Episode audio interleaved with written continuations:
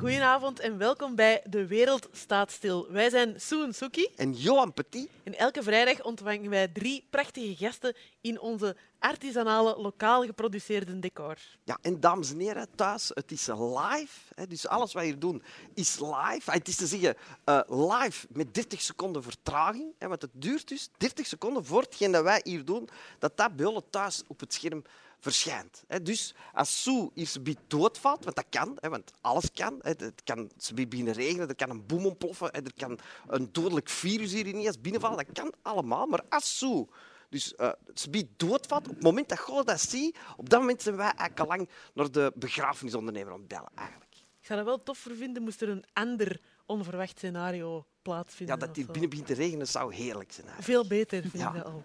We zijn live vanuit CC Berchem en we hebben ook drie staanplaatjes voor jullie eh, aan de straat, Drie Koningsstraat, nummer 126. En net zoals elke week eh, vragen wij aan de mensen, kom naar hier in uw flieter, aan de drie staanplaatjes staan en dan krijg je van ons... eh, de eerste persoon die hier dus in zijn flieter of haar flieter komt staan, krijgt van ons een prachtige ingekaderde 50 euro. Die is echt. Die is echt. En we hebben, eh, gelijk als elke week, weer drie fenomenale gasten, die dus de volgende drie kwartiers de wereld gaan stilzetten. En eh, we beginnen vanavond met onze eerste gast. Hè, want dat is altijd, we beginnen altijd met een eerste gast. We hebben nog nooit met een tweede gast eh, begonnen. Maar onze eerste gast van vanavond die gaat een tekstperformance doen. En dat is Laura van Doorn. Daarna komt Kamal Karmach een waar gebeurd verhaal vertellen. En onze derde en laatste gast is Naima Joris. En die komt met een lied Onze koude harten verwarmen. Ja, en dan hebben we natuurlijk ook nog onze eh, vorige week gecontact traced en na twee negatieve testen corona-veilig verklaarde huisband Tom Pintes.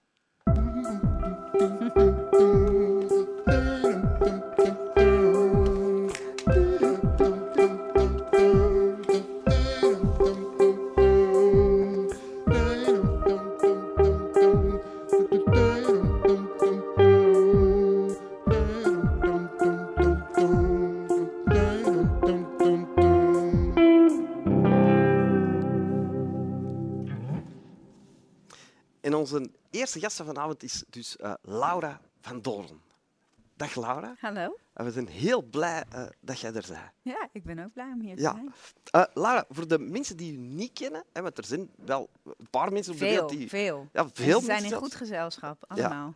Maar dus, ik zal je even voorstellen, je bent een theatermaker. Hè, jij maakt theater. En ik heb al een aantal stukken van u gezien.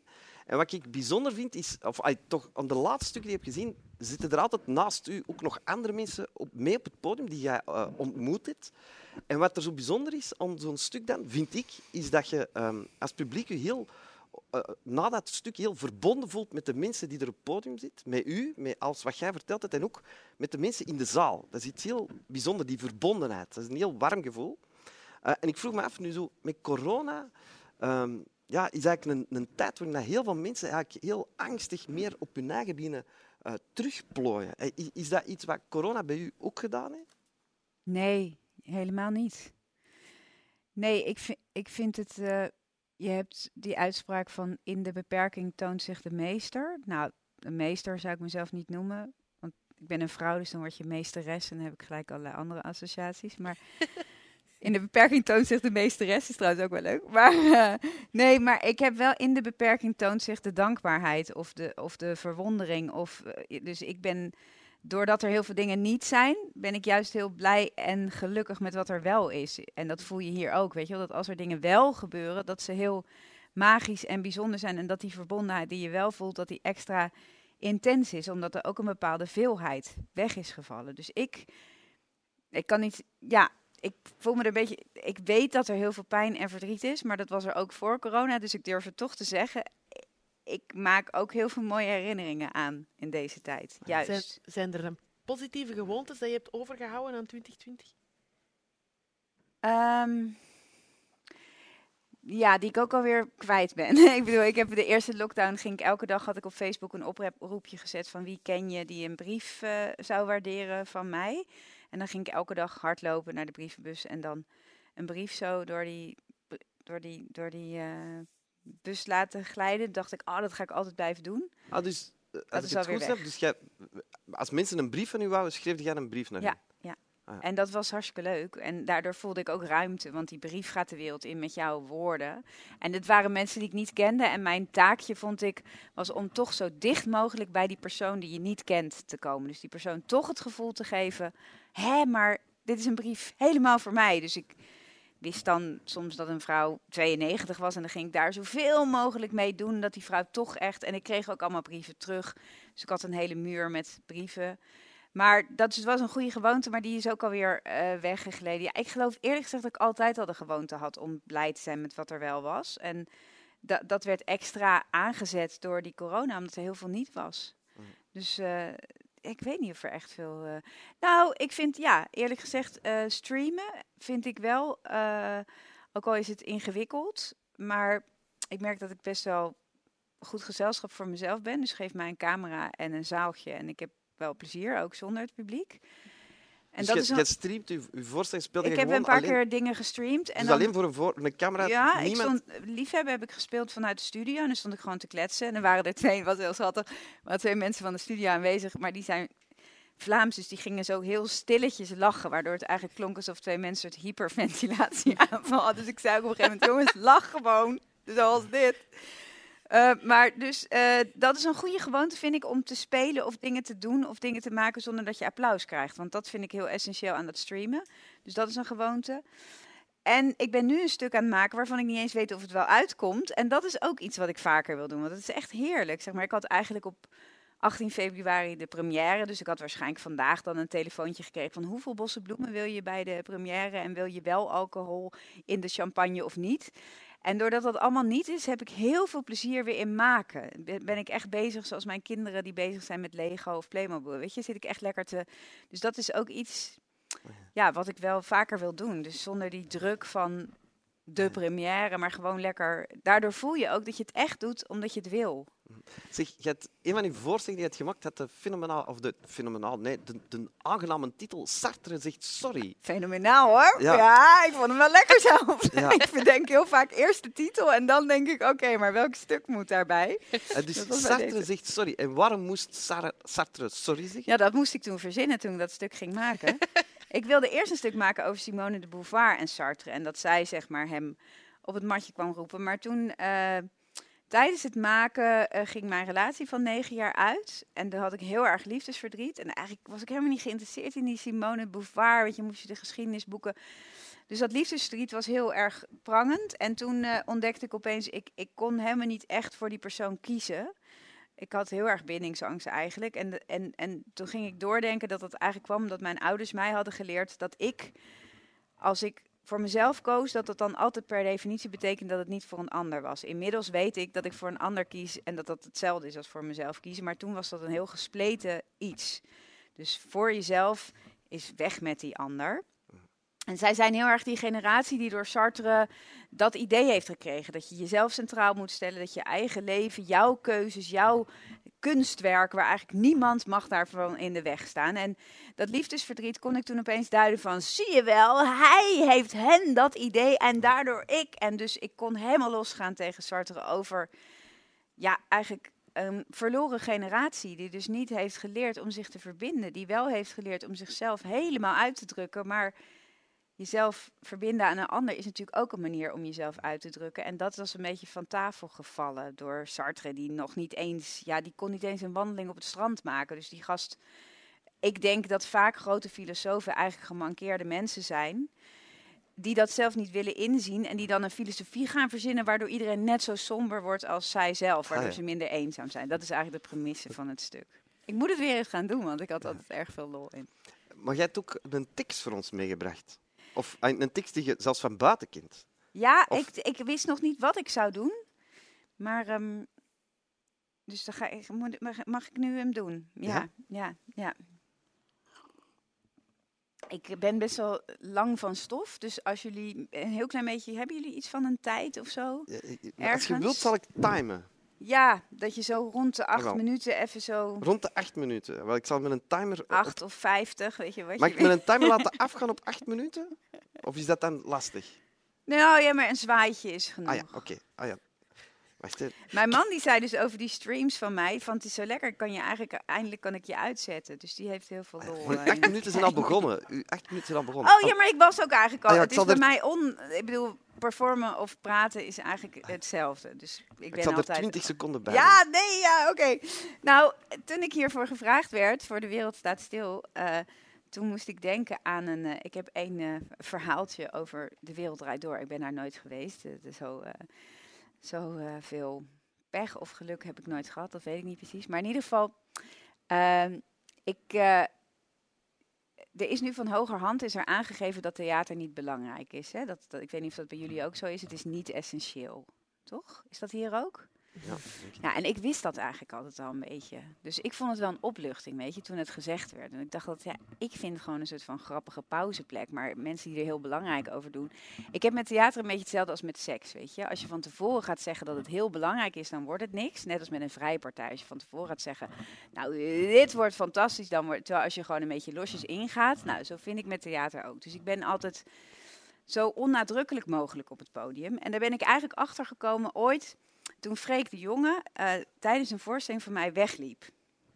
Ja, ik eh, eh, zat toen precies tijdens het moment dat hij wegliep, zat ik bij mijn overleden opa. En ik zei deze woorden. Ik zit bij de kist van mijn lieve, lieve opa. Die zo vreselijk van speeches hield. De laatste keer dat we allemaal bij elkaar waren, wilde hij nog één speech doen. Dus hij stond op en hij zei, lieve jongetjes, want dat zei hij altijd bij het begin van een speech. En toen wilde hij een hele lange, eloquente speech doen. Dat woord vind ik leuk, want eloquente mensen zeggen ook graag eloquent. Maar ehm, hij wilde een lange speech doen, maar ja, zijn energie was op, want hij was op. Dus toen zei hij, lieve jongetjes, doe maar wat. En bij sommige mensen zou dat duiden op een soort onverschilligheid, maar bij mijn opa duidde dat op het grote vertrouwen wat hij in ons allemaal had. En ik zit bij de kist van die lieve, lieve opa, die ik net heb gekust. En die zo koud is dat ik de dag daarna nog de rillingen over mijn lijf vollopen. Ik, ik wil hem gewoon heel graag nog één keer knuffelen. Dat is alles natuurlijk. Dat dat gewoon niet kan, niet mag, niet geoorloofd is. Ik wil dat koude plankje dat daar ligt tot leven brengen. En dat is niet origineel. Dat is een cliché, maar de dood is niet origineel en ik ook niet. Dus ik huil dikke tranen met tuiten. En het is niet grappig en het is niet mooi. En als iemand er een scène over zou maken of een filmpje, zou ik het niet mooi vinden. En precies op dat moment stond Freek de Jonge op, dus zijn timing was zeer elegant. En toen riep hij, ja, ik wil even zeggen, ik vind het niet slecht hoor. nou, ik was op dat moment eerlijk gezegd bezig met het feit dat ik mijn opa nooit meer zou knuffelen. Dus ik vroeg me niet af op dat moment of Freek de Jonge mijn werk al dan niet slecht vond. En toen liep hij over mijn podium af. Nee. Ja, terwijl die riep, eh, ja, ik moet naar de wereld draait door. Oh.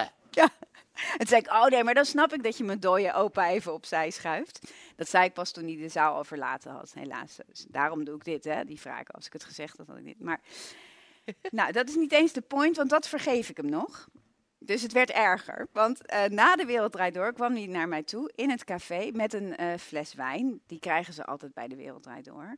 Want de mensen van de redactie van de Wereld Draait Door houden geen rekening met de enorme hoeveelheid ex-alcoholisten. Die daar toch een zware dobber aan hebben, aan zo'n fles wijn in de auto terug. De taxi nog eenzamer, weet je. Hou die wijn dan maar dicht als ex-alcoholist. Maar goed, dus hij stond daar met die fles wijn. Maar hij zei geen sorry. Nu al? Nee, toch? Hij zei geen sorry en hij gaf me ook niet de fles wijn. Maar hij zei dit. Je probleem is niet je inhoud. dus, ja, dus ik zei, oh, ik wist niet dat ik een probleem had. Ik had natuurlijk wel een probleem, want ik zat opeens in een masterclass, ongevraagd, van Freek de Jonge in een theatercafé. Ongeveer twintig jaar voordat een woord uitgevonden was wat dit soort mannen soms het zwijgen oplegt, namelijk het geweldige woord mansplaining. Dat werkt, weet je, als ze het kennen. Ik vraag het me bij hem af, maar sommige man, de mannen die het kennen, die schamen zich dan een beetje. Maar dat woord was er nog niet. Dus ik moest die hele workshop gaan doen, terwijl ik echt betere dingen te doen had. En het woord mansplaining is me trouwens ooit uitgelegd in een theatercafé door een man. Terwijl ik het al kende. en hij snapte de ironie zelfs niet toen ik hem dat uitlegde. Maar goed. Freek de Jonge ging door met zijn masterclass. Hij had niet gehoord dat ik vond dat ik geen probleem had, want masterclasses zijn best wel top-down, weet je. Dus hij ging door. hij zei, je probleem is eh, niet je inhoud, maar de manier waarop je het brengt. Het is zo, ja, onnadrukkelijk. Je doet me denken aan Wim Helzen. Serieus, dat hij. Nou En goed. dat was uw probleem, dat jij op Wim Helsen Ja, trok. dus ja, Dat zou ik toch een groot Als- compliment vinden. Eh, nou ja, ik voel me niet heel slecht over mezelf, inderdaad. Dat staat ook, dat is de volgende zin. Ik voel me niet heel slecht over mezelf als iemand me met Wim Helsen vergelijkt. En onnadrukkelijk, ja, me dunkt. Ik heb nou eenmaal niet het verlangen, zoals sommige collega's van mij hebben, om alles heel belangrijk te maken. Ik bedoel, ik heb vertrouwen in jullie. Ik ga ervan uit dat jullie denken, ze vindt hem belangrijk deze zin. Anders zat hij er niet in. En ik ga ervan uit dat jullie zelf voelen wanneer iets belangrijk voor jullie is. En dat jullie ja, andere dingen belangrijk vinden dan ik. Het is wel jammer van onnadrukkelijk zijn dat je dan nooit meesterverteller wordt genoemd in recensies. Maar goed, dat vind ik een klein eh, offer. Ik denk echt dat het je jaren van je leven kost. Ik heb net één zinnetje Freek de Jonge nagedaan, ben nog kapot. Dus dat is zonde van je tijd. En daarom, omdat ik van onnadrukkelijk hou, speel ik ook zo graag buiten het theater. Want theater moet het heel belangrijk zijn bij aanvang. Ik speel het liefst eigenlijk in TL-licht met vieze koffie. En dat heb ik gedaan voor, en wij noemen dat een TBS, maar dat is een eh, plek waar mensen die eh, misdaden hebben gepleegd, maar ook psychiatrische afwijkingen hebben. Een toppubliek met andere woorden. Maar hoe heet dat bij jullie? Eh, Wij hebben daar... Ja, geïnterneerden volgens mij. ja, Nou, ja. ik heb een keer daar gespeeld met een soort automaat achter met, met erin. En ik was super bang van tevoren. Ik ging daar liefhebben spelen. Die ik trouwens deze zomer in jouw tuin bijna had gedaan. Dat, dat ga ik nog doen. Eh, maar ik ging liefhebben spelen daar. En ik was heel bang dat ze er doorheen zouden schreeuwen. Dus ik stond daar doodsbang. Ik begon en echt gelijk bij de eerste zin. Keihard iemand die er doorheen ging schreeuwen. Wat een opluchting. Altijd. Als datgene waar je bang voor bent gebeurt, dan is het zoveel minder eng dan je dacht. Het was ook heel mooi wat ze riepen. Ik zei bijvoorbeeld in die voorstelling, dat begint met een stukje dat ik asociale kankerleier roep. Ik zeg dat zelf niet, maar iemand anders zegt dat. En ik corrigeer die dan op een liefdevolle manier. Eh, dus ik riep dat en toen was er een man met een wit trainingspak met tatoeages die zo zijn nek in leken te kruipen. En die riep toen heel hard, toen ik asociale kankerleier riep, riep hij, dat mag je niet zeggen. Terwijl hij zelf echt wel ergere dingen had gezegd. Maar je hoorde dat hij zichzelf waarschijnlijk die dag voor had genomen om nooit meer zoiets te zeggen. En hij dacht, "Oh, die mevrouw weet dat nog niet, dat ze dat niet moet zeggen en dat ze dan hier ook terecht komt. En daarna bleven ze allemaal dingen roepen. Zoveel dat ik op een gegeven moment dacht, weet je, wie ben ik om hier te vertellen wat liefde is? Ik ga het aan hun vragen. Dus ik vroeg aan die mannen daar, wat is liefde voor jullie? En toen was er één man die duidelijk meer stemmen dan alleen mijn stem binnen hoorde komen, maar die toch heel erg zijn best deed om mijn stem ook nog te horen. En die zei, liefde is licht. Goeie timing. Liefde is licht. Flikkerende lichten, rode lichten, de hoeren, wallen, seks. En toen was een van de medewerkers van die instelling, die pakte die man van achteren vast en die zei, je had moeten stoppen bij liefde is licht. En toen was er een andere man, die stond helemaal achterin, die had zwarte tanden. Ik zou hem nog geen euro geven bij de supermarkt, zo eng zag hij eruit. En die zei toen, het schijnt dat hemel en hel helemaal niet bestaan. Dat alleen de hemel bestaat en dat dus alles liefde is. En toen zei die man met dat witte trainingspak, die zei, ja, daar heb je niet van terug, hè, mevrouwtje. En daar had ik inderdaad ook totaal niet van terug. En daarom vind ik het zo fijn in de wereld, omdat je er niet van terug hebt. Omdat je daardoor even stil bent, met een mond vol tanden staat. En dus in de wereld ben ik stil, omdat de wereld beweegt en eigenlijk veel interessanter is dan wat ik allemaal zeg. Dus daarom voel ik me ook erg thuis in dit programma en deze studio. Dankjewel. Dankjewel. eh. Dankjewel, merci voor, voor, voor uw tekst. Ehm, ja, ja, heel blij, eh, ongelooflijk. En dat, dat, jij zo, dat zijn allemaal verschillende dingen. die Ja, jij het kwam een zo- beetje zo allemaal. Ja. ja. Vooral die, die ene zin over... Wacht, wat was het? Die, of die twee zinnen, anders zat het er niet in. Kun je die nog eens zeggen? Dus- Ik ga ervan uit dat jullie wel weten, dit vindt zij een belangrijke zin, anders zat hij er niet in. Ah, die vond ik heel mooi. Ja, die is fijn ook ja, om omdat te die zo rijmt. Dus dat was voor mij dan een zin die heel hard binnenkwam. Ah ja, ja. Heel lekker. Ehm, ja, zeg, het, het gaat deze weekend keihard sneeuwen in eh, Nederland. ja. Ehm zit jij iemand die houdt van de winter? Eh, nee, ik ben meer een, eh, de- de- meer een tropisch visje, zeg maar. Dus in- ik vind het moeilijk. Snel pijn in mijn tenen en mijn handen. Spijtig dan. ja. Ja, bedankt voor uw, uw performance en merci voor uw tekst. Ja, ik ben dus toch vergeten, dat zei ik al, dat ik slecht ben in PR. Want liefhebben, Ah, ja. dat is, of ga jij dat nog Nee, zeggen? nee, zo? zeg maar, zeg maar. Nee, dat ik dus zaterdag op Valentijnsdag ga ik liefhebben, streamen. Eh, en dan kan iedereen die Valentijn is zondag. zondag, volgende week zondag, zie Ja. je nog sle- heel slecht in marketing. Ja. Dus dan doe ik het een keer, doe ik het fout. Volgende week zondag, als je je verveelt, dan moet je naar liefhebben komen kijken online. eh, En, want, en waar eh, online? Want Ja, bij Walhalla is dat. Walhalla. Ja, natuurlijk, dus www.walhalla.com. Ja, dat denk ik. Zonder H aan het Ja. einde. Of anders googelen op Lara van Doron. Ja, liefhebben, Laura Liefhebben. van Doren. En eh, dat is denk ik wel leuk. Het is, het is een voorstelling waar singles zich fijn gaan voelen, want het is een anti-romantische liefdevoorstelling. Maar stellen, die hebben er ook iets aan, denk ik. We gaan allemaal kijken. Merci. Sowieso. Merci.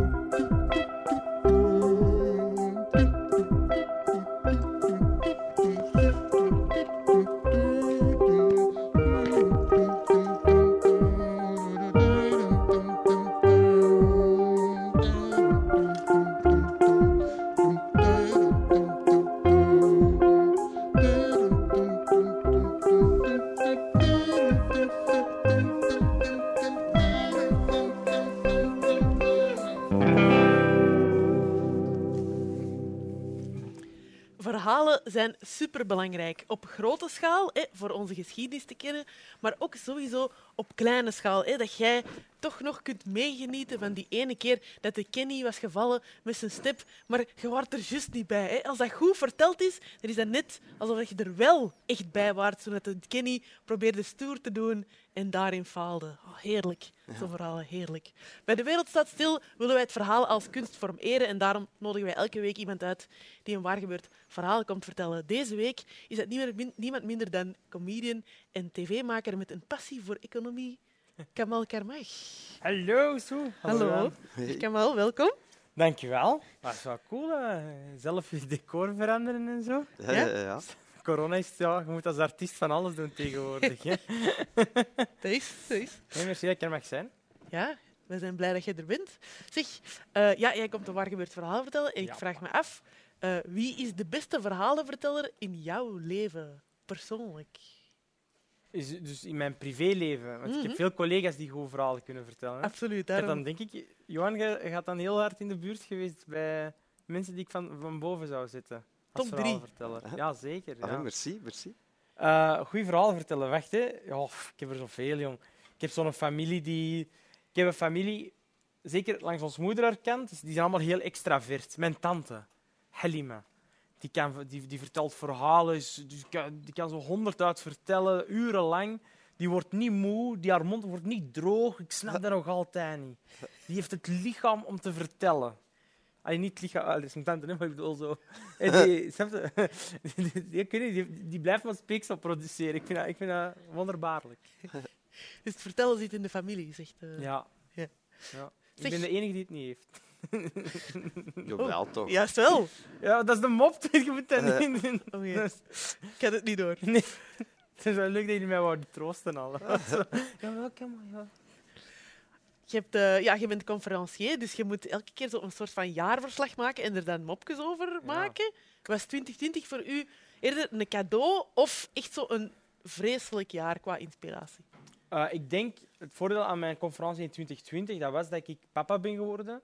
En dat heeft heel veel gedaan, denk ik. Ik denk dat als ik eh, alleen maar corona had, ehm, wat vooral gebeurd is, of alleen het nieuws van 2020, ik denk dat dat heel moeilijk moest zijn om daar echt een conferentie over te schrijven. Want je bent dan gebonden door de feitelijkheid. En dat is, dat is heel lastig als de feiten zo slecht of zo negatief zijn als, als dit jaar.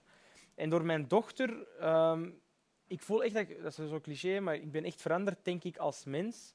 Eh, het boeit me allemaal wat minder. Mijn carrière, de, het, het, het, ja, het wereldlijke, om zo zweverig te doen. Ehm, dus ik voel dat ik volwassener ben geworden. Eh, ik ben ook wat, ik ben, het klinkt heel raar. Ik voel me zo wat terug plezanter of zo sinds 2020. Ja. Ehm, ja, ik was, de laatste jaren had ik, was ik eigenlijk niet zo goed van. Ik, allee, achteraf gezien, toen dacht ik dat niet door, maar ik was aan het zoeken naar mijn eigen. Zo zit ik wel goed in wat ik doe. Ik miste ook wat ik daarvoor deed. En, ehm, en nu is alles zo wat geblind of zo de laatste tijd. Ik, ik, op tv doe ik wat ik graag doe, wat ik denk dat ik kan. Ehm, mensen nemen je dan automatisch serieuzer. Mensen zeggen, hey, ik ben wel goed bezig, maar je zegt wat je bent of je zegt wat je doet. En dat, dat, is, dat is heel belangrijk. Ik heb door dat je een rol speelt, is eigenlijk fucked up. Dat, dat wreekt zich op een of andere manier altijd. Had je het gevoel dat je dan daarvoor een rol speelt? Ja, ik had dat niet- zeker niet bewust. Ehm, maar ik deed wat ik dacht dat ik moest zijn. Mhm. Snap je? Ik wou, ik wou altijd... Ik wou nooit op tv komen. Hè. Ehm, eh, dat klinkt zoiets dat iedereen zegt, hè, maar comedy doe ik wel super graag. Maar tv is wel op mijn pad gekomen. Ehm, en ik ging er zo wat in. Enerzijds omdat ik... ehm, omdat ik dacht, ja, eh, ik zal dat maar doen. Want dat is een once-in-a-lifetime opportunity, dacht ik. Hè, dus dat wel. En dan, voor echt weet, zitten erin. En, en, en dan zeggen ze ook, ja, doe maar. Iedereen kijkt ook. Ik vond dat ik als comedian ook niet ontwikkeld genoeg was. De kilometers, de befaamde kilometers, om ineens om te gaan met eh, de fame, tussen aanhalingstekens, die er was. De aandacht die er was. Hè. Want eh, als je op tv komt, mensen denken... Topkomiek, hè, want daarom zit je op tv. Snap je? Je, zit, je hebt de alle filters eh, doorstaan. Dus ja, dan deed comedy. Ik weet nog dat dat één keer met u was en met Jens de Donker. Ik had nooit direct na de slimste mens. Moest ik met u en Jens op optreden, ergens in gehucht. In een scoutslokaal, ergens in Oost-Vlaanderen. Ja. Ja, en ik deed toen al heel veel politiek, negatief, oh, een beetje grensactivistisch. En dat pakte voor geen meter. En ik hoorde mensen denken, serieus? Is dat wat ze tegenwoordig op tv... En ik weet niet, zo, dat, zat, dat bleef er zo wat in zitten. En ik dacht, ja, ik zal maar doen wat die willen, want ik, ik bereik nu een massa. Ik wil die massa ook niet verliezen, want ik wil een verhaal vertellen en dat duurt lang. Dus ik was zo aan het beredeneren, bijna wiskundig of zo. Ehm, en dat pakte enigszins wel. Ehm, dat werkte ook, want wat ik deed was vaak goed of, of, of op zijn minst succesvol op een of andere manier. Maar ik voelde mij nooit gelukkig eigenlijk. Dat is heel raar. Ehm, mensen zagen dat niet, denk ik. Of misschien wel. En dat, dat uit zich dan ook in, in terug eten, om je terug... Ik weet dat niet, dat is een heel rare periode. En nu ben ik eruit en nu ben ik dik. Eh, Veel dikker dan toen, maar ik weet het, je m'en fous. Ik vind dat de beste attitude die ik in een jaar heb gehad. Dus je hebt in- meer positief. Ik geef meer complimenten. Ik, vind dat, ik ben graag terug bij mensen. Ik wil mensen terugzien. Mensen die ik vroeger niet zag. Ik, wil die, ik weet dat niet, ja. Ik, weet Ja, dat want- niet. ik kan want- dat niet verklaren. Want je hebt een, kant van u, is, eh, je bent vooral bekend dan als comedian, maar een, een, een kant die veel mensen niet kennen. En dat is dan die andere kant eigenlijk. Eh, is dat jij ook, eh jij bent afgestudeerd en jij hebt tijdens, toen je afgestudeerd een hoogste onderscheiding voor statistiek. Ja, Dus dat is ook Dat zo is een mijn kantje ding. van u. Dat, dat, numbers my thing, bro. ja, ja, ja. Zo zo cool doen om wiskunde. nee, nee, ja, ja, dat is mijn ding. ja. Ja. En dat, die- kant van u, is dat ook dat je daar nu die ook omarmt? Dat je, je doet nog altijd dat soort werk ook, hè, toch? Op een gegeven moment ben ik ook gaan lesgeven, ook een beetje voor mijn mentale gezondheid. Snap je? Zo, ik dacht in mijn eigen, ja, bon, ja, kom op tv. Iets waar iedereen van droomt. Hè. Dat, dat, was fucked up. Je doet wat iedereen van droomt. Dat jij ook dacht van, je doet denk ik, ja, bon, ja. En dat zat niet. Ik doe niet wat ik... Deed wel wat ik graag deed, want dat was comedy. Ehm, maar ik vertelde niet altijd wat ik wou vertellen. Misschien op een of andere manier. Eh, op tv vond ik het leuk. Hè. Het was zalig, het was tof. De mensen rond mij waren supergoed. Maar nee, zo, juist niet zo. En dan kwam de dus ik ben gaan lesgeven daarvoor. En ineens kwam ook die conferentie. Ik deed Andermans Zaken, dat programma rond economie dat ik doe. Ehm, en dat blende, ik- werd ook, ik, vond, ik vind van mijn eigen dat ik ook grappiger werd. eh, omdat dat over mij ging. Want als je je eigen voelt... allee, ik doe nu precies of ik er nu wel ben, maar, maar totaal niet. Want nu herken ik zelfs harder dat ik veel werk heb. Dus nu kan ik zeggen, ja, ik heb nog veel kilometers. En dat, doet me, dat is goed. Vroeger niet. Nee, nee, nee, nee, ik ben goed bezig. Maar je wilt niet laten zien dat je er nog niet bent. Nu, ik heb nog veel kilometers te doen. Ik ben er nog lang niet. Ik maak veel fouten. Ik, ik, eh, ik doe de conferentie, maar ik heb veel groeimarge nodig. Ik heb ook gevraagd aan de VRT. Ik heb de conferentie heb ik onderhandeld dat ik tot de laatste dag mocht stoppen. En ik vind dat keigoed. Echt waar. Onzekerheid omarmen is een van de beste dingen die ik dit jaar heb gedaan. Merci om dat met ons te delen, Kamal. Dat was eigenlijk een ander verhaal dat ik moest komen vertellen. Maar, eh, kijk, ja, je hebt cool. nog- je hebt Bo, nog- tot volgende week! Maar eh, je hebt nog ja, je hebt een waar gebeurd verhaal voor ons bij. En eh, wij zijn Ja. heel benieuwd. Ja, het, zit wel in dat verlengde eigenlijk. Hè. Ehm, dus ik, op een gegeven moment eh, zat ik, werkte ik op de universiteit. Ik was, dus, ik was dus assistent. Ik deed al wat comedy. Dat begon allemaal. Hè. Dat begon te beginnen. Ik deed ook de slimste mens toen net. Hè. Dus dat was ineens... dus ik, de, de server van de UNIF was even overladen toen ik meedeed. Want iedereen zocht het dan op. Dus ik ja, zo, zo even dat. En op een gegeven moment... ehm, ik, ging ook naar de universiteit. Moeten weten... Ik ben zo heel mijn jeugd iemand geweest. Ik wou heel graag dat mijn papa trots was. Ik had altijd zo heel mijn leven een soort van schuldgevoel naar onze ouderlijke generatie. Waarom? Dat waren de mannen die zo in de jaren 50, 60 eh, eigenlijk aan, aan hun materiaal, ah ja, hetgeen dat, het weinige dat ze hadden, zeggen fuck it, we gaan naar een ander land, we gaan met niks daar iets opbouwen in de hoop dat onze kinderen het beter gaan hebben. Ik kan me dat nu niet voorstellen dat ik zeg, voort, ik, ga naar, ik kan me dat niet voorstellen, terwijl voor mij is dat veel makkelijker om te doen dan mijn ouders. En ik vond dat zo cool ik had daar altijd zo'n grote respect voor. En ik heb in armoede geleefd. Eh, dus mijn, mijn ouders dat waren strijders, dat waren, vechters. Dus ik wou die nooit teleurstellen, snapte? En dat ging. Kon naar school gaan, zover. Ik kon naar de UNIF gaan. Van mijn papa mocht ik ook geen filosofie studeren, wat ik eerst wou doen. Nu, ik ben wel blij, want die mevrouw zei net, filosoof dat zijn mensen met issues die andere mensen daarmee willen opzadelen. Dus, sorry, hè. Dus ik, ik moest van papa economie gaan doen. Ehm, ook eh, achteraf heel blij mee. Dus gevoeld, ik ben zo'n pleaser. Vooral ons papa zo, die wil ik nooit teleurstellen. Ineens mocht ik werken op de UNIF. En voor Marokkanen, werken op de UNIF, dat is de shit. Hè. Dat is zo... Mijn, mijn, mijn blanke vriendjes, dus, eh, zo, de oude doctoreut, al vier jaar, dat is, dat is niet speciaal hè, voor Vlaams. allee, voor, mijn, voor mijn peers in de tijd, dat was helemaal niet speciaal. En mijn papa die dacht, deze is het hoogste dat je kunt. Dat een politicus of zo, of CEO, dat, is- dat is dat niveau voor ons vader. Eh, die was super blij. En ja, ondertussen, ja, comedy, dat vond hij nooit leuk dat ik dat deed. Die tolereerde het, omdat het op UNIF academisch zo goed ging. Dat, was, dat is dat niveau. En op een gegeven moment kwam ineens de VRT met een contractvoorstel. En nou, de slimste mensen, de VRT die wou mij niet weggaan. Was een beetje, dat was in de tijd met, tegen Woestijn is VRT, dat was een heel gedoe. En eh VRT gaf mij een contractvoorstel. En hij zei, ja, we hebben plannen met u, we gaan tv maken, dit en dat en dit en dat. En ik dacht, come dat is toch echt wel een opportuniteit once in a lifetime. En op dat moment, ons papa lag in het ziekenhuis. Mijn papa heeft longproblemen. Ze hebben net een stuk long en zo weggehaald. Dus, eh, papa, dus degene die ik wou pleasen, lag er ook heel zielig bij op dat moment. En ik zei dat tegen ons papa, wat er aan het gebeuren was. Ik ga stoppen op de UNIF, zei ik, op een gegeven moment. Nu, mijn papa spreekt geen Nederlands, die spreekt ja, Tmezert. En die van mij, ik kan Tmezert, maar niet zo goed. Snap je? En als je een taal niet goed kent, dan ken je de subtiliteiten van een taal soms niet. Waardoor je soms... Maar je zegt, is dat Berbers, hè, toch? Of, Ja, of is dat niet het juiste... ja, dat is, ja som- sommige mensen vinden dat een denigrerende Ah, term, Berbers, maar Ah ja. Nee, ja.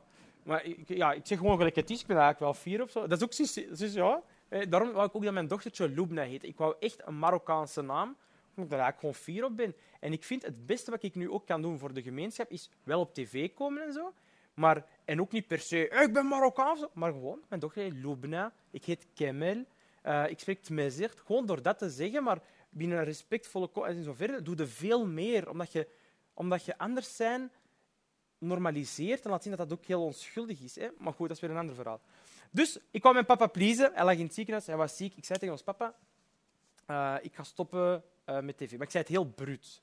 En die was boos. Hij zei, "Hey, allee, het kwam eigenlijk, ik ben hier aan het sterven. En dat is wat je... Ik bedoel, ja, ik ga stoppen met de UNIF. Ah, met Unif, excuus, Ja. En het kwam er eigenlijk op neer dat ons papa zei, ik ben hier aan het sterven en zo gaat jij mij dood laten gaan. Het kwam er zo daar bijna op neer. Maar papa die wou dat niet, die vond dat afschuwelijk, die vond dat erg, die wou mij niet meer zien. Ik ging kapot van de dingen. Dus ik had met veel twijfel. Ik deed mijn werk op de Unif eigenlijk ook wel graag. Ik wist, ik wist niet, jongen, echt wel, ik wist niet, ik wist niet wat ik moest doen. Eh, en ik, ik was zo aan het slinteren door, door, door het stad, hè, zo het Centraal Station en, en dingen. En ik kwam daar aan de Starbucks in het Centra- Centraal Station. Ik ging binnen, ik ging koffie halen. En ik zag daar een, eh, oude man ehm, door het raam kijken. Maar ken je, soms zie je, die gast is succes. Zo, je voelt aan de vibe, je voelt aan de kleren, dat, je voelt aan alles, aan zijn aura. En die was zo aan het kijken door, door het raam. Die was aan het mijmeren. Dat is het juiste, hij was aan het mijmeren. En ik keek, ik weet niet hoe, dat klinkt super geschreven of zo, hè, maar ik voelde me aangetrokken, je weet wat ik bedoel, ik voelde me aangetrokken tot die man. Hij zag er oud uit. En ik zat met die twijfel, misschien daarom dat ik aangetrokken was. Uh, want, ik, want, ik, zat toen heel hard met wat wil ik in mijn leven. Maar tegelijkertijd wil ik eigenlijk ook het leven hebben dat mijn vader wou dat ik had. En dat was ook de reden waarom hij zijn leven heeft gegeven. Snap je? Dus ik voelde mij bijna schatplichtig aan mijn vader. Hij gaf me mijn leven, dus ik moet een beetje dat leven ook leiden. Dus ik had zoveel twijfel en dingen en onzekerheid. En ik ging dan bij een reflectie, ging naar die man en ik zeg, meneer, ik hou van cijfers. Hè. Statistisch gezien zou je eigenlijk al dood moeten zijn. Ja, je bent oud. Um, en ik zei tegen hem, je gaat bijna dood, sowieso. Hè, misschien een paar jaar. Je gaat binnenkort dood. Um, ik heb één vraag voor u. Op het einde van iemands leven denkt je zo heel vaak, had ik dat maar gedaan. Of dat. Of je hebt meestal op het pas de essentie van het leven door. Ik zei, meneer, zeg mij dat nu eens. Wat heb jij nu dit leven geleerd? Geef mij uw ervaring, zodat ik dat leergeld niet moet betalen. Zodat ik met heel uw levenservaring die beslissingen nu al kan, dat ik dat nu al kan meenemen. En die begon ineens te zeggen. Hij begon ineens zijn eigen voor te stellen. En hij was een van de mensen achter het team van Caillou. Dat is de uitvinders van, van het internet. Hè. Het internet is eigenlijk door Belgen uitgevonden. hij zat mee in dat team. Die kerel zei, I'm a big deal. Hè? Ik. En hij begon uit te leggen over hoe groot dat hij was, hoe relevant dat hij was, hoe, hoe hij mee de wereld heeft veranderd, dacht hij. En hij zei, kende jij mij? Zei. Ik ken u niet. nee. Uh, ik ken alleen, Caillou kende ik wel, maar hem kende ik totaal niet. En hij zei, ik ga nu bijna dood. Ik heb keihard geld, zei hij ook. Um, en het enige wat ik nu wil, nu, is bij mijn kleinkinderen zijn. Um, en toen besefte ik dat ik eigenlijk een leven heb vergooid omdat ik nooit met de, met de echte dingen van het leven ben bezig geweest. Ik heb eigenlijk mijn dochter verwaarloosd. Niet dat hij een slechte papa was, denk ik, maar hij zei wel, ik, verwa ik had meer kunnen zijn met haar. Ik had meer liefde kunnen voelen, kunnen geven. Um, ik voel dat nu omdat ik veel met mijn kleinkinderen bezig ben. En hij zei, ik heb van één ding spijt, en dat is altijd dat ik nooit heb gedacht bij beslissingen over hoe wil ik sterven. Ik heb altijd gedacht, hoe wil ik nu leven? Hoe wil ik nu zijn? Hoe wil ik nu overkomen? In het nu. En ik heb nooit gedacht, hoe wil ik eindigen? Wat voor mens wil ik op het einde van de rit zijn of worden? Of hoe wil ik herinnerd worden? En zei, als ik u één ding mag meegeven... Ik kende mijn naam nog niet, want ik was nog, ja, niemand kende mij. Um, als je ooit een beslissing maakt, niet altijd, hè, je moet dat niet voor elke scheet doen, hè, maar echt een fundamentele beslissing, je moet altijd denken dat jij in je sterfbed, hoe luguber dat ook klinkt, hè, je moet denken dat jij de mens bent in je sterfbed, op je sterfbed, je familie staat rond u. En dan moet je terugdenken aan het moment waar je nu over aan het twijfelen bent. En als jij denkt, de Kamal op zijn sterfbed zou zeggen, alle chance dat ik dat heb gedaan. Of, oh, fuck, had ik dat maar niet gedaan. Als jij oprecht denkt dat dat een beslissing zou zijn waar je later trots... Dan moet het gewoon doen. Gewoon doen. En anders moet het ook niet doen. Of dan pas is je twijfel legitiem. Dan, dan pas. Dat vond ik een fantastische tip. En dat was voor mij een heel moeilijke keuze, omdat ik eigenlijk mijn papa moest teleurstellen. Maar toen dacht ik eigenlijk ook wel, als ik hem nu teleurstel, dan ga ik mijn eigen, wanneer ik in papa zijn positie zit, letterlijk, dan ga ik teleurgesteld zijn. Een heel moeilijk evenwicht. En ik heb toen, een van de weinige keren van mijn leven, voor mezelf gekozen. Omdat ik niet wou sterven als iemand die een opportuniteit waar heel veel mensen van dromen, letterlijk, tv komen als erop en eraan, dat ik die kans niet had gegrepen.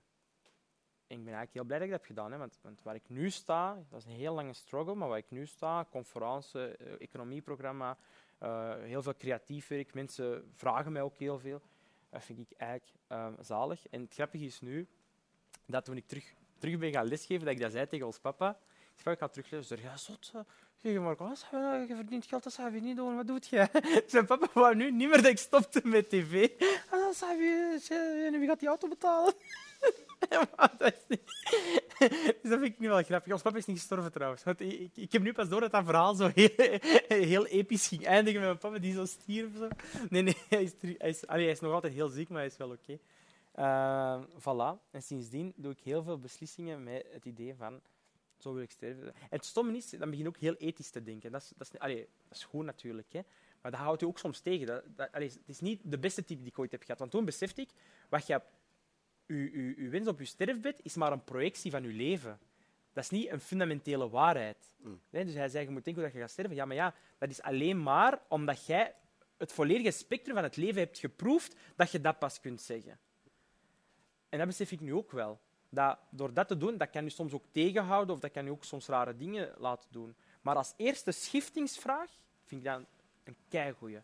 En toen stond mijn leven, wereld, even stil. Merci, Kamal. We nemen die tip allemaal mee naar huis. Neem het mee. Ehm, ik ga nog een vraag stellen. Ja. Eh, het is nu 5 februari 2021. Eh, een kleine voorspelling. Wat ben jij aan het doen op 5 februari 2022, over een jaar? Ik denk dat dat vrij makkelijk is hoor. Ik denk dat ik aan het rusten ben van een nieuwe conferentie, hopelijk. Eh, Hopelijk ben ik niet aan het blijten omdat die zo slecht was. Ik zal waarschijnlijk een nieuw seizoen ma- maken van Andermans Zaken. Mhm. Ehm, ik zal waarschijnlijk ook aan het lesgeven zijn. Het gaat een beetje hetzelfde zijn eigenlijk, denk ik. En maakt u dat blij, die gedachte? Ja, ja, ja absoluut. Ja, ja. Ja, ja. Stabiliteit is graaf nu. Dat, dat is nu wat ik wil. Vroeger ik... "Oh!" En nu eigenlijk minder en minder. Het, het is oké zo. Ik heb door... Ik had kansen gehad om superrijk te worden. Hè? Bedrijfmatig. Hè? En ik ben blij dat ik dat niet heb gedaan. En nu besef ik... Kijk, ofwel ga je volledig voor dat geld, maar dan moest ik heel de tijd aan dat verhaal denken. Ofwel besef je dat jij nooit superrijk gaat worden. Ervan uitgaan dat je wel genoeg moet hebben, natuurlijk. Hè? Ehm, en dat is een heel bevrijdende gedachte. Want je gaat niet meer op zoek naar geld. Want ik, ik heb zoiets van, ofwel ga je hard en dan ga je voor, voor de miljoenen, ofwel heb je door van, hey, het lukt mij, ik kan leven, ik ben sowieso al bij de 10% rijkste mensen ter wereld en zelfs daarbinnen ben ik middenklasse, dus ik ben al bij de hogere van het hoogste. Eh, Deze is chill en dan draait het eigenlijk helemaal om. Dan draait het om, ik wil mijn tijd nuttig besteden, ik wil goede dingen doen, het geld dat ik heb, wil ik, daar wil ik nuttige dingen doen, ik wil bij mijn familie zijn. Dat is, dat is helemaal geflipt. Op het moment dat ik dat... Het hoeft allemaal niet. Maar natuurlijk, ook dat weer. Hè. Je hebt een soort van Matthäus-effect. Dat is voor mij heel makkelijk. Hè. Je hebt al een goede carrière. Je hebt eigenlijk al... Ik heb bijna al mijn dromen verwezenlijkt. Ja, behalve echt het afwerken nog van de doctoraat. Voor mij is dat heel makkelijk om te zeggen... Ja, ik besef nu van alles. En, en het leven is veel min, meer dan werken. Maar je mag toch vertellen over je leven? Ja, maar ik weet ook van waar ik kom. En vroeger was dat... Ik wil gewoon overleven. En gaat dat wel om geld. Dat ging wel daarover, snapte? Dus dat is voor mij heel makkelijk om te zeggen, ja, geld, bla, bla, bla. Dat is ook niet. Dus, dus dat is een heel persoonlijk ook, verhaal ook weer, dat ik besef. En ik ben eigenlijk heel blij dat ik een traject heb gehad waardoor ik nu kan zeggen, ah ja, ja ik, ben eigenlijk, ik ben heel blij dat ik niet tot mijn 60 heb moeten werken om dan een be- bepaalde droom te verwezenlijken, om dan te beseffen, serieus, heb ik hier al heel mijn tijd om verscheten, of wat? Ja. Om uiteindelijk die notto te hebben. Daar ben ik wel blij mee. Dat, Kamal, eh, merci voor uw verhaal en merci om naar hier te komen. En dan Ja, is het nu tijd voor een lied van Tom Pintes.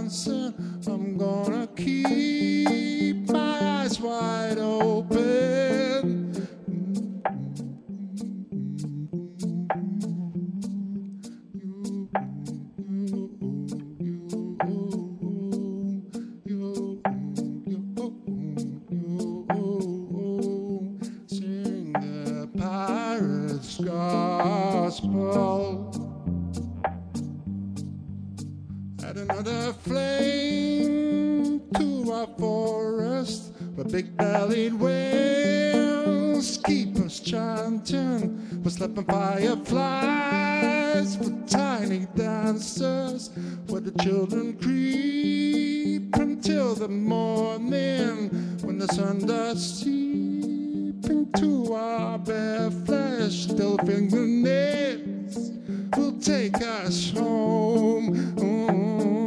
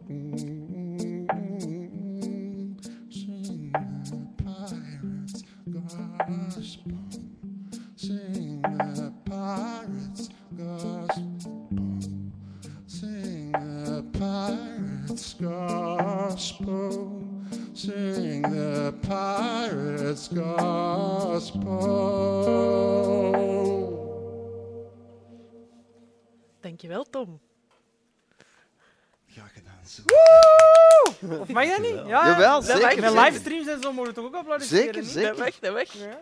Eh, van wie was dit nummer, eh, Tom? liedje is van ehm, Alila Diane. Heet The Pirates Gospel. Van, van wie?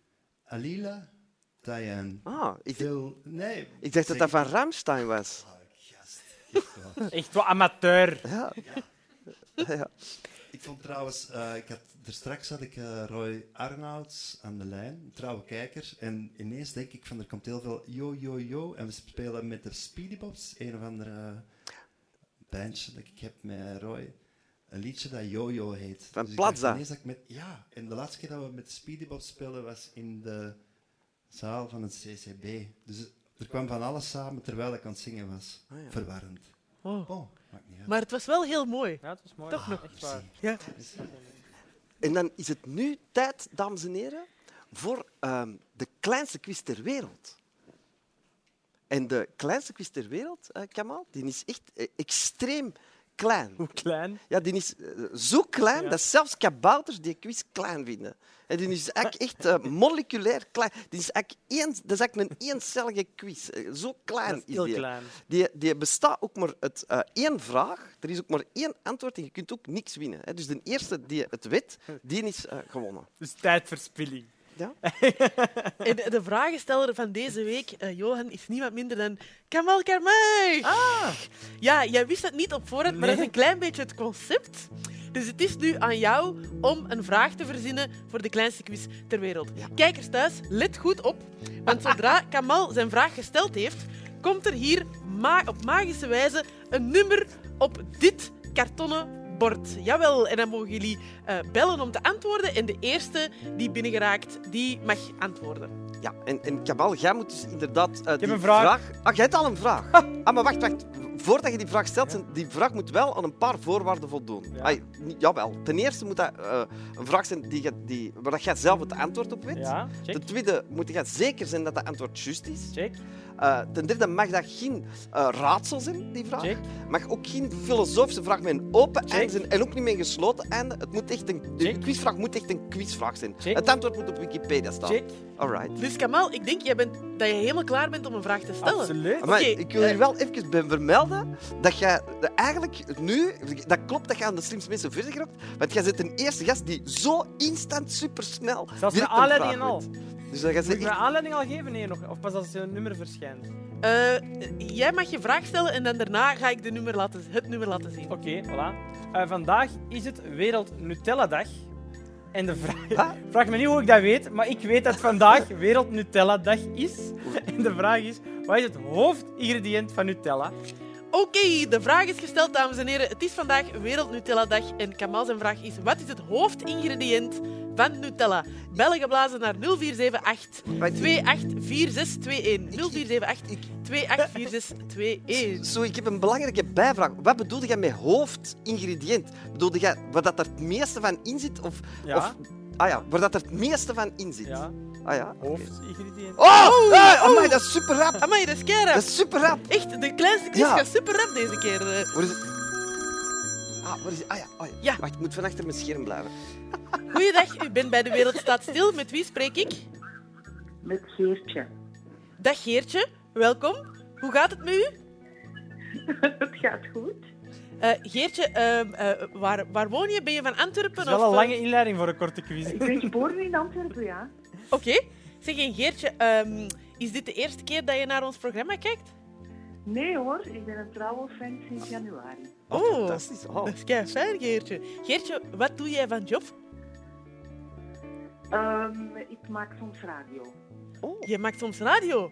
Oh, Ja. en op welke radiozender kunnen wij jou beluisteren? Heel, heel af en toe op Clara. Heel af en toe op Clara. Dat Oh. zijn de serieuze man. Eh, eh, eh, Geertje, je, je hebt ons heel benieuwd gemaakt. Eh, en, en hoe heet het programma dat je presenteert? Ja, nee, ik, ik ben soms eh, een vervanger voor als er iemand ziek is, hè. Dat is ook nodig. Eh, is- ja, ik vind wel- dat je ook al dat je een heel aangename stem hebt. Ja, hè? Vind je? ja heel Dank je wel, aangenaam. maar dat vind ik van jou ook. Oh, merci. Oh, Oh, zeg, compliment Maar- van een echte radiostem. Maar wat, een- wat, een- wat een gezellig momentje is dit hier. Oh, ja, echt gezellig. Ehm, zeg, eh, Greetje, ehm, wacht, is het Geertje of Greetje? Geertje. Geertje, weet jij het antwoord op de vraag: wat is het hoofdingrediënt van Nutella? Nu, nu hoop ik maar dat het juist is, maar ehm, mijn eh, vriend fluisterde mij in dat het hazelnoot is. Hazelnoot. Wij kijken naar Kamal Karmach. Is het hoofdingrediënt hazelnoot? Helaas. Eh, Geertje. Greetje. Amai. Geertje. Geertje, helaas. Ja, Sorry, hè. Het is Nee, niet hazelnoot, nee. Moet je dat tegen die, die mannen zeggen? Dat is niet mijn fout. Eh, Geertje, toch bedankt om mee te doen. Vond je het een beetje leuk? ja, natuurlijk is het leuk. Eh. oh, wat jammer dat het niet goed is. Ja, hey, jammer. Ja, je bent, je bent verloren. Nu met ben ik aan het twijfelen eigenlijk. Maar dat is de... Ik zweer het. Eh, Je mocht niet twijfelen, je moest het zeker Ja, weten. ik, dat ik was ben een van de zeker, maar voorwaarden. zij, zij- zij presenteert op Clara. Snap je? Ik pak haar serieus, man. Ah ja. als, als wij een radiopresentator al niet meer serieus ja, maar het is nemen. niet per se omdat je op klaar bent dat je slimmer bent als iemand anders. Hè. Ah, Maar ben ik niet wil zeggen, Geertje, dat jij lomp bent. Hè. Want, eh, Geertje, ehm, mogen Ja. wij jou bedanken voor jouw geweldige deelname? Eh, eh, ja, mens moet tegen zijn verlies kunnen. Maar je bent Ik niet verloren, je bent gewoon niet gewonnen. Voilà, je bent verloren, maar je bent een ervaring rijker. Ook dat is de kleinste quiz. Merci, Geertje. Dag. Bye bye. Oei, oei, oei. oei. dank Het u. wordt spannend. Dank u, Kamal. Ah, is En- het gedaan? Ja, en Ja? nu is het leuke dat we de mensen dat, dat we u huis gaan sturen zonder dat we het antwoord verklappen, zodanig dat er thuis mensen zo. Nee, ja, die mogen die mag niet meer antwoorden. Helaas. Dat is niet, als je het niet weet, dat ze het antwoord niet weten. En dus jij dat is wel erg. Je hebt nu afgehaakt, dus iemand heeft voicemail, maar die betaalt nu wel voor dat telefoontje. Hè? Ook dat is de kleinste quiz ter wereld. Dankjewel. Dit was de kleinste quiz ter wereld. Salutjes.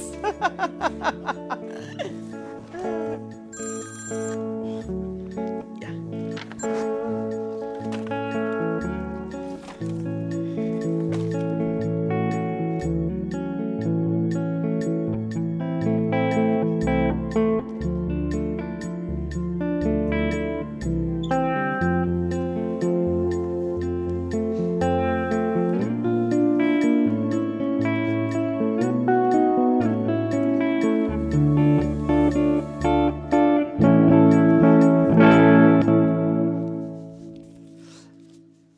en zoals elke week, eh, dames en heren, beste kijkers thuis, sluiten wij de wereld staat stil af met muziek. En dat doen we deze week met Naima Joris. En Naima, nu moet jij komen. Ja, geweldig. Dag Naima. Eh, ook eh, zijn wij opnieuw heel blij dat jij er bent. Ehm, Naimia, jij hebt ongeveer een jaar geleden, in april, heb jij op Facebook een video gepost waarin dat jij in uw hof eh, voor een tuinhuis een liedje zingt van eh, Cesaria Evora. Hè, dat klopt, hè? Ja. En dat, eh, die, die video is eh keer niet veel gedeeld door allemaal mensen. En heel veel mensen hebben die gezien. Eh, Wat is er sindsdien allemaal eh, met je leven gebeurd? Ehm, ik heb dan een muzikantenpagina aangemaakt om een onderscheid te maken tussen mijn persoonlijke Facebook en mijn, allee, en mijn succesvol leven. Na, nee. Ik, had, ehm, ik was dan van plan om eigenlijk eh video's te posten met liedjes. Ehm, ik was niet zo actief op Facebook. En ehm, daarvoor, en omdat ik dan posi- positieve reactie had, dacht ik van oké, het is lockdown en zo. En ja, mensen bezighouden en mezelf bezighouden. En blijkbaar vinden mensen dat mooi en leuk. Dus dacht ik, dan, dan heb ik een tweede liedje gepost van Cesaria. Maar dan heb ik op mijn persoonlijke eh, Facebook op 26 april een liedje gepost ehm, dat eigenlijk ehm, een herdenking was naar mijn, de dood van mijn zus. Dat is, ja, die is gestorven in 2018, dat was mijn jongere zus. Eh, zij is aan kanker eh, gestorven. En ehm ze had dan een tekst, allee, verschillende tekstjes achtergelaten. En met een van die tekstjes heb ik een liedje gemaakt. En dat heet dan Belly Button.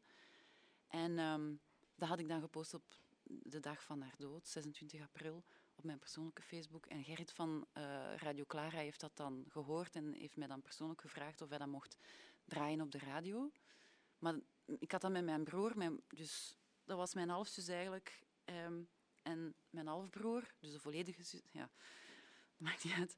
Ehm, die heeft mij geholpen met produceren. We waren daar zo aan begonnen om liedjes te maken na haar dood. Ik vooral. En hij produceren. En, ehm, maar dat, dat is dan nooit niet echt iets van geworden. We hebben dat niet echt afgemaakt. Zo was stilgevallen. En dan ehm, vanaf dan, dus vorig jaar, eh, ja, eh, Radio 1 was dan ook geïnteresseerd. En die, eh, Evert Venema van Radio 1 vroeg mij dan om eens te komen spelen. Maar ik had nog geen band, dus ik moest dan snel een band stichten. En zo Dus- had ik dan ineens een band in juli. Dus, dus eigenlijk, eh, het ene Facebook-video heeft er eigenlijk voor gezorgd dat je nu eigenlijk echt met je eigen liedjes, want daarvoor zongde jij ook al wel, ja. maar dat je met je eigen liedjes nu ineens eigenlijk echt een zangeres bent.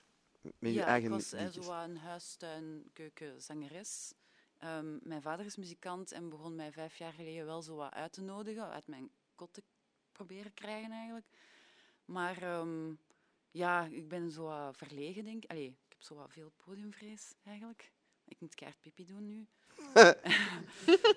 Wij allemaal.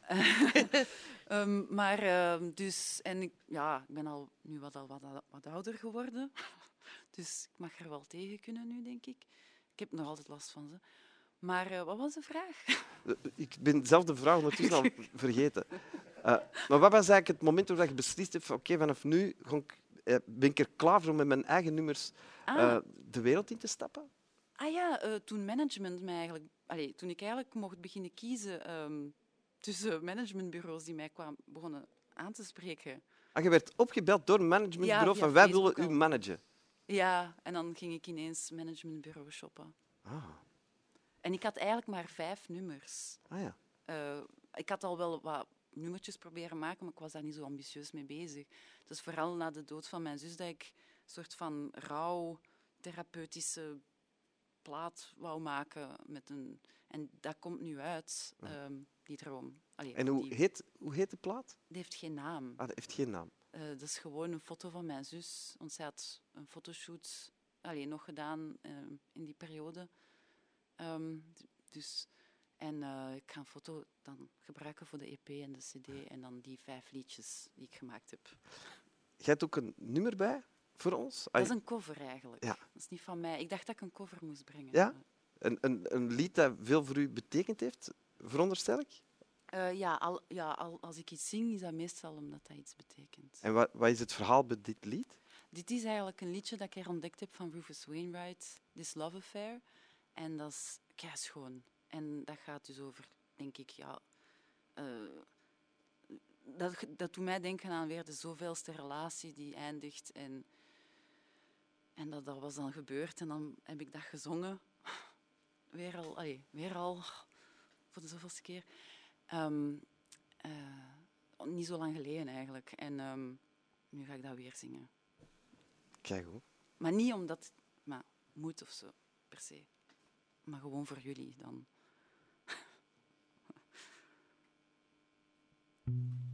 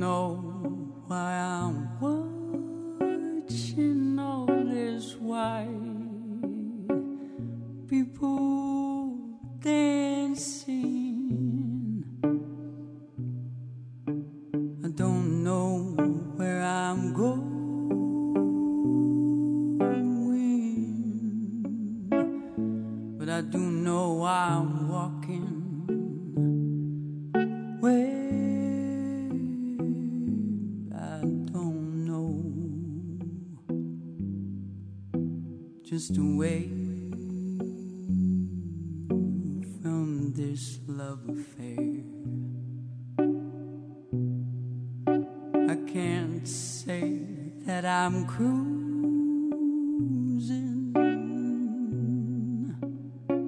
Not that I don't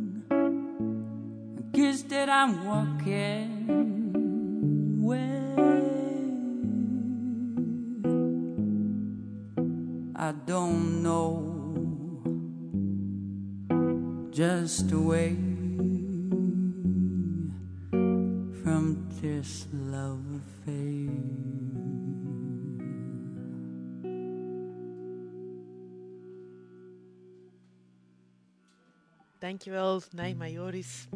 De wereld staat stil, zit erop. Merci, dames en heren, om te kijken. Eh, ik hoop dat je vannacht warme dromen gaat dromen. En als je morgen vroeg wakker wordt, dat dan uw vrouw of uw man met een warme tas chocomel naast uw bed staat. Of als er geen, geen warme man of warme chocomel in uw leven aanwezig is, hè, dat dan het zonnetje door het raam naar binnen komt gekropen en al zo wakker maakt. Of als er geen raam in uw slaapkamer is, dat er dan een klein warm hondje of een, of een klein katje of desnoods zelfs een muis heel zachtjes lief zo aan uw tenen komt knabbelen morgen vroeg. Bedenkt ook aan alle huisdieren thuis. Jullie hebben noodgedwongen moeten meeluisteren. Ook al begrijpen jullie niet wat wij zeggen. Dus speciaal voor jullie. Hoef, miauw, blup, blup. Bedankt. Volgende week zijn we weer terug met drie nieuwe gasten. Maarten Westra Hoeksema, Emma Le Suy en Leila Amezian. Dit was De Wereld Staat Stil. Tot volgende week.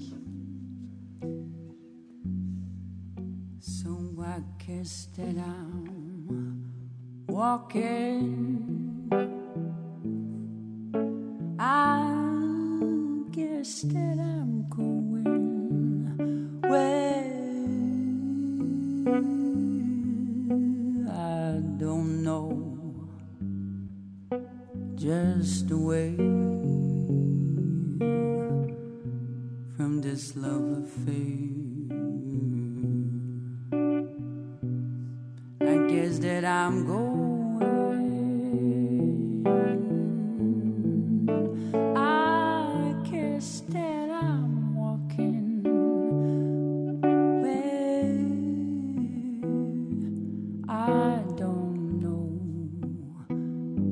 Just a way.